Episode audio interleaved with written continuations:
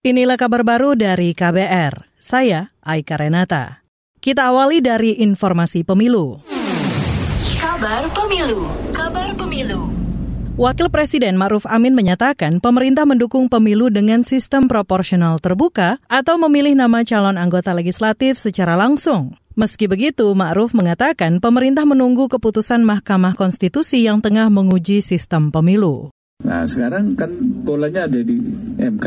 Nah kita tunggu MK ini mempertimbangkan seperti apa atau punya alasan seperti apa. Nah semua menunggu sekarang. Pemerintah pun menunggu. Ya pemerintah sudah siap melaksanakan seperti apa yang seperti sekarang yang dilakukan melalui KPU. Pemerintah sudah memberikan semuanya pengaturannya untuk sistem pemilu yang terbuka. Jadi kalau masalahnya sekarang seperti apa nanti itu ada di Mahkamah Konstitusi.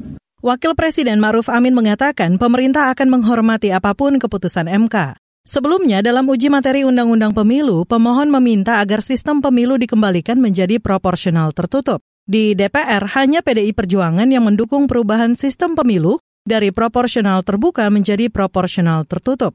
Dengan sistem tertutup, nantinya pemilih hanya bisa mencoblos lambang partai dan tidak bisa memilih nama calon anggota legislatif. Kita ke informasi lain. Polisi menambah satu lagi tersangka dalam kasus penganiayaan David, remaja berusia 17 tahun. David sebelumnya dianiaya hingga koma oleh Mario Dandi, anak seorang pegawai perpajakan di Jakarta Selatan. Mario Dandi sudah lebih dulu ditetapkan sebagai tersangka. Kapolres Jakarta Selatan, Ade Arisya mengatakan tersangka baru berinisial S ini berperan merekam insiden penganiayaan itu sehingga tersangka MDS menyuruh anak korban untuk mengambil posisi push up sambil tersangka S melakukan perekaman video dengan menggunakan HP milik tersangka MDS. Kemudian terjadi berdasarkan CCTV yang sudah kami dapatkan di depan TKP, kemudian berdasarkan analisis handphone milik tersangka MDS telah terjadi kekerasan terhadap anak korban D Kapolres Jakarta Selatan Ade Arisya mengatakan S disangka melanggar Undang-Undang Perlindungan Anak. Dia diduga membiarkan tindakan kekerasan terhadap anak. Tersangka S kini ditahan di Polres Jaksel.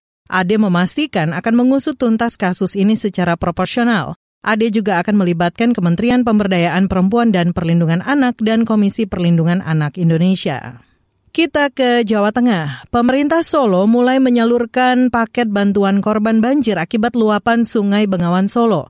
Informasi selengkapnya disampaikan kontributor KBR Yuda Satriawan. Pemerintah Kota Solo saat ini sudah mulai menyalurkan bantuan bagi ribuan warga korban banjir Sungai Bengawan Solo. Wali Kota Solo Gibran Raka Buming Raka mengatakan bantuan itu disalurkan usai verifikasi data korban banjir selesai dilakukan pekan ini. Menurut Gibran, bantuan itu berupa bahan pangan pokok. Mau harus kita selesaikan semua. Sudah ada berapa ya? 6.900.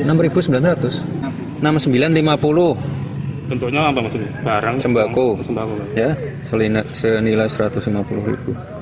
Lanjut, Gibran mengungkapkan selain bantuan bahan pangan, Pemkot juga akan memberikan bantuan pembaruan dokumen kependudukan bagi warga korban banjir yang dokumennya hanyut, hilang, atau rusak. Pemerintah Kota Solo mencatat ada 21.800-an jiwa yang terdampak banjir meluapnya Sungai Bengawan Solo pekan lalu.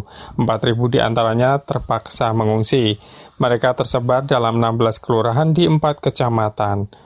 Badan Nasional Penanggulangan Bencana atau BNPB juga sudah menyalurkan bantuan logistik sekitar 2.000 paket sembako saat para korban banjir berada di dalam pengungsian di kota Solo. Dari Solo, Jawa Tengah, Yudha Satirawan, KBR. Demikian kabar baru dari KBR. Saya Aika Renata.